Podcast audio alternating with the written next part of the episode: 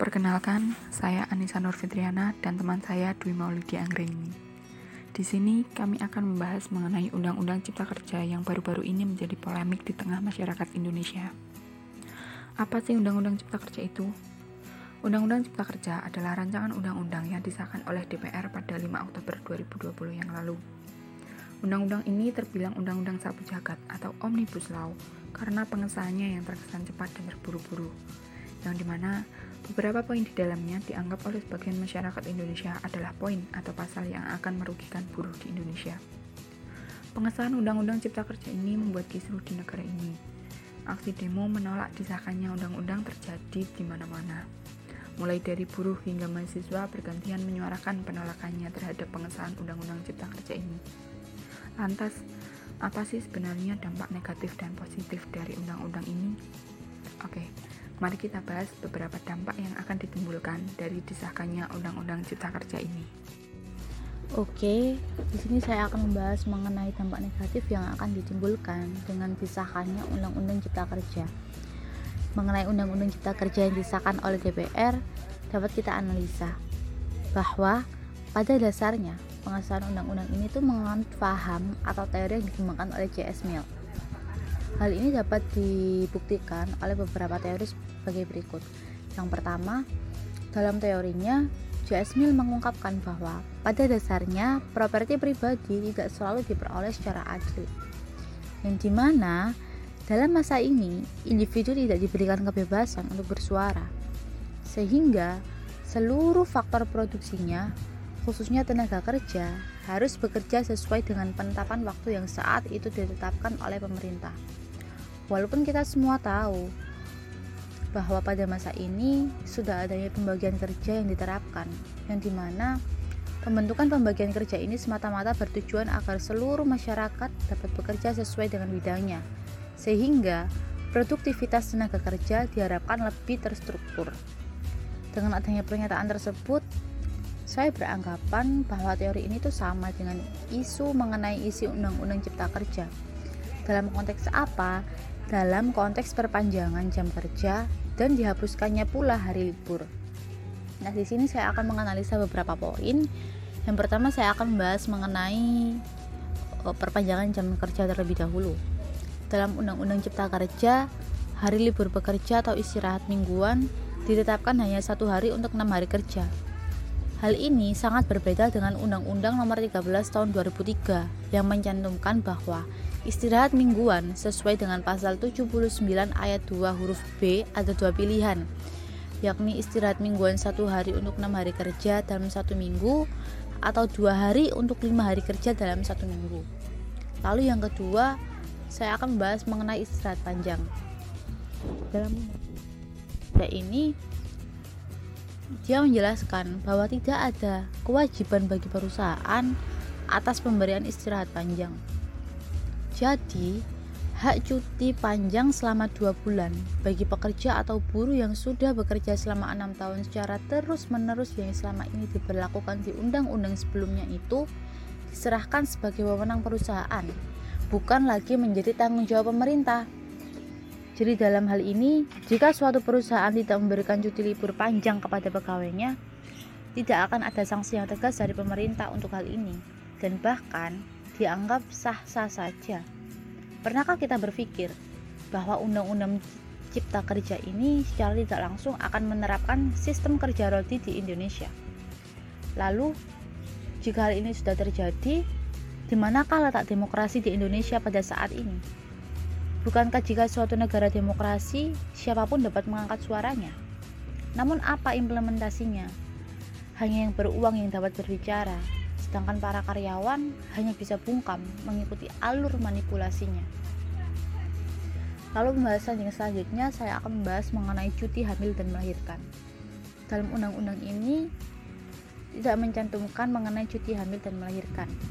Atau dapat kita tarik kesimpulan belum bisa dipastikan apakah pasal terkait cuti hamil dan melahirkan ini diubah atau mungkin dihilangkan pada undang-undang sebelumnya, pasal 82, diatur mekanisme cuti hamil melahirkan bagi pekerja perempuan.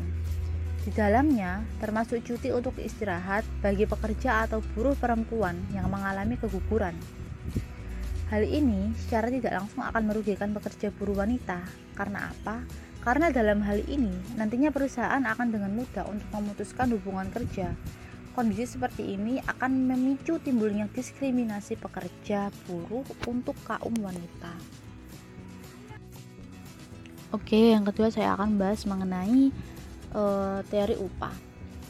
Dalam JS Mill, dalam teorinya JS Mill, uh, beliau membahas bahwa adanya penurunan upah jangka panjang sampai ke level subsistem. Mengenai pernyataan tersebut, saya beranggapan bahwa teori ini tuh sama dengan isi Undang-Undang Cipta Kerja terkait pengubahan pada Undang-Undang Nomor 13 Tahun 2003 yang dihapus dalam Undang-Undang Cipta Kerja ini. Nah, poin-poinnya di sini saya akan mengambil dua poin. Yang pertama, saya akan mengambil mengenai perubahan penetapan upah minimum. Di Undang-Undang Omnibus Law ini, upah minimum disebutkan hanya berupa UMP atau upah provinsi. Artinya, UMK dan UMSK tidak lagi digunakan sehingga penentuan upah minimum berdasarkan upah provinsi atau UMP saja. Yang kedua, saya mengambil konteks mengenai penghilangan pesangon. Berikut beberapa poin mengenai pesangon dalam Undang-Undang Omnibus Law dibandingkan dengan Undang-Undang Ketenagakerjaan. Dalam Omnibus Law, tidak adanya pesangon bagi pekerja atau buruh yang di PHK karena peleburan atau pergantian status kepemilikan perusahaan. Lalu yang kedua, tidak ada pesangon bagi pekerja atau buruh yang di PHK karena memasuki usia pensiun. Sedangkan mengenai uang pesangon sendiri dalam Undang-Undang Ketenagakerjaan Nomor 13 Tahun 2003, beliau menyentumkan bahwa pesangon harus diberikan pada pekerja atau buruh yang di PHK baik karena adanya perubahan status atau perubahan kepemilikan perusahaan. Uang pesangon harus tetap diberikan sebesar satu kali gaji Hal ini diatur dalam pasal 156. Lalu yang kedua, pesangon diberikan pada buruh atau pekerja yang di PHK karena memasuki usia pensiun.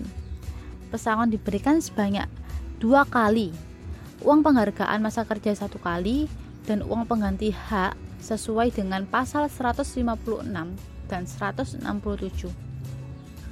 Dapat kita bayangkan bahwa jika seseorang telah mengabdi di suatu perusahaan selama bertahun-tahun atau bahkan puluhan tahun sejak berdirinya perusahaan itu, lalu tiba-tiba dengan seenaknya sendiri para pengusaha memutuskan hubungan kerja dengan orang tersebut dan tidak diberikan pesangon kepadanya.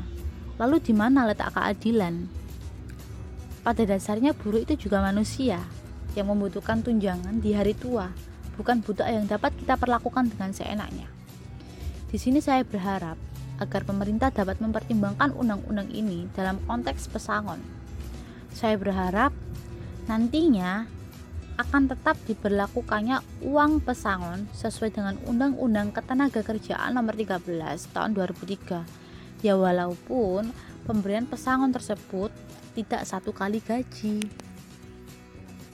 Ketika sebuah kebijakan atau peraturan dibuat, tentu saja fokus utamanya adalah menghasilkan dampak positif untuk ke depannya. Nah, teman saya sudah menyebutkan beberapa dampak negatif Undang-Undang Cipta Kerja. Namun, apakah masyarakat juga memperhatikan dampak positif kebijakan ini? Saya rasa tidak. Masyarakat cenderung menilai bahwa kebijakan ini adalah kebijakan yang dapat menimbulkan dampak negatif saja. Menurut saya, Undang-Undang Cipta Kerja ini sedikit banyak akan menimbulkan dampak positif. Mengacu pada teori J.S. Mill, beberapa dampak positif Undang-Undang Cipta Kerja ini adalah yang pertama, upah dan profit bervariasi berbanding terbalik. Salah satu pasal yang menjadi sorotan adalah pasal tentang dihapusnya UMK dan diganti dengan UMP, yang di mana dalam hal ini upah yang diterima oleh buruh akan semakin sedikit. Tetapi dengan adanya Undang-Undang Cipta Kerja ini, pemerintah berharap nantinya akan banyak investor yang menanamkan modalnya di perusahaan yang ada di Indonesia, sehingga dapat menambah lapangan pekerjaan. Selain itu, juga dapat meningkatkan UMKM untuk menunjang kreativitas tenaga kerja Indonesia agar tidak selalu bergantung pada sebuah perusahaan saja. Yang kedua, perlu adanya campur tangan pemerintah. Pasal lain yang menjadi sorotan adalah pasal tentang tenaga kerja asing yang bebas masuk ke Indonesia. Pasal ini sebenarnya bisa menjadi dampak positif bagi buruh Indonesia, karena dengan adanya pasal ini, pemerintah akan membuat strategi jitu seperti yang pertama, mendirikan pusat latihan kerja sehingga dapat menciptakan tenaga kerja yang kreatif dan inovatif atau tenaga kerja yang terlatih. Yang kedua, sertifikasi tenaga kerja. Yang ketiga, menciptakan hubungan industrial yang harmonis. Yang keempat, penguatan tindakan hukum. Dan yang kelima adalah mengembangkan sistem pengawasan dan evaluasi peraturan ketenaga kerjaan. Strategi-strategi itu nantinya diharapkan akan dapat menciptakan tenaga kerja Indonesia yang mempunyai daya saing yang mumpuni untuk bersaing dengan tenaga kerja asing.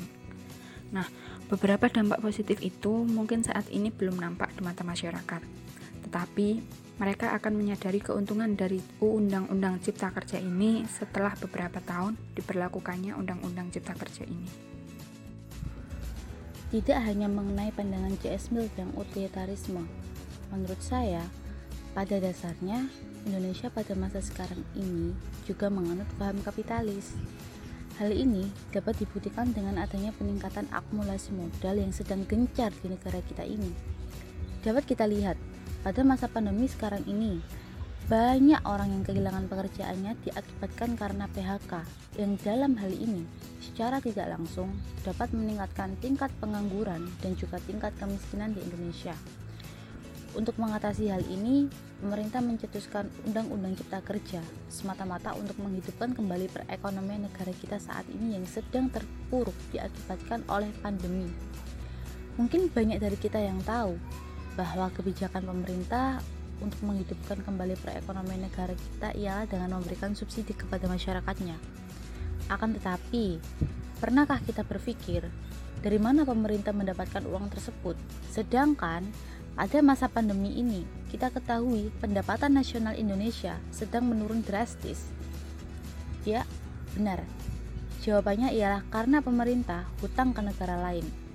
Nah, di sini yang menjadi pertanyaannya lagi, sampai kapan pemerintah akan terus-menerus hutang ke negara lain? Atau sampai kapan masyarakat akan menggantungkan seluruh kebutuhannya kepada pemerintah?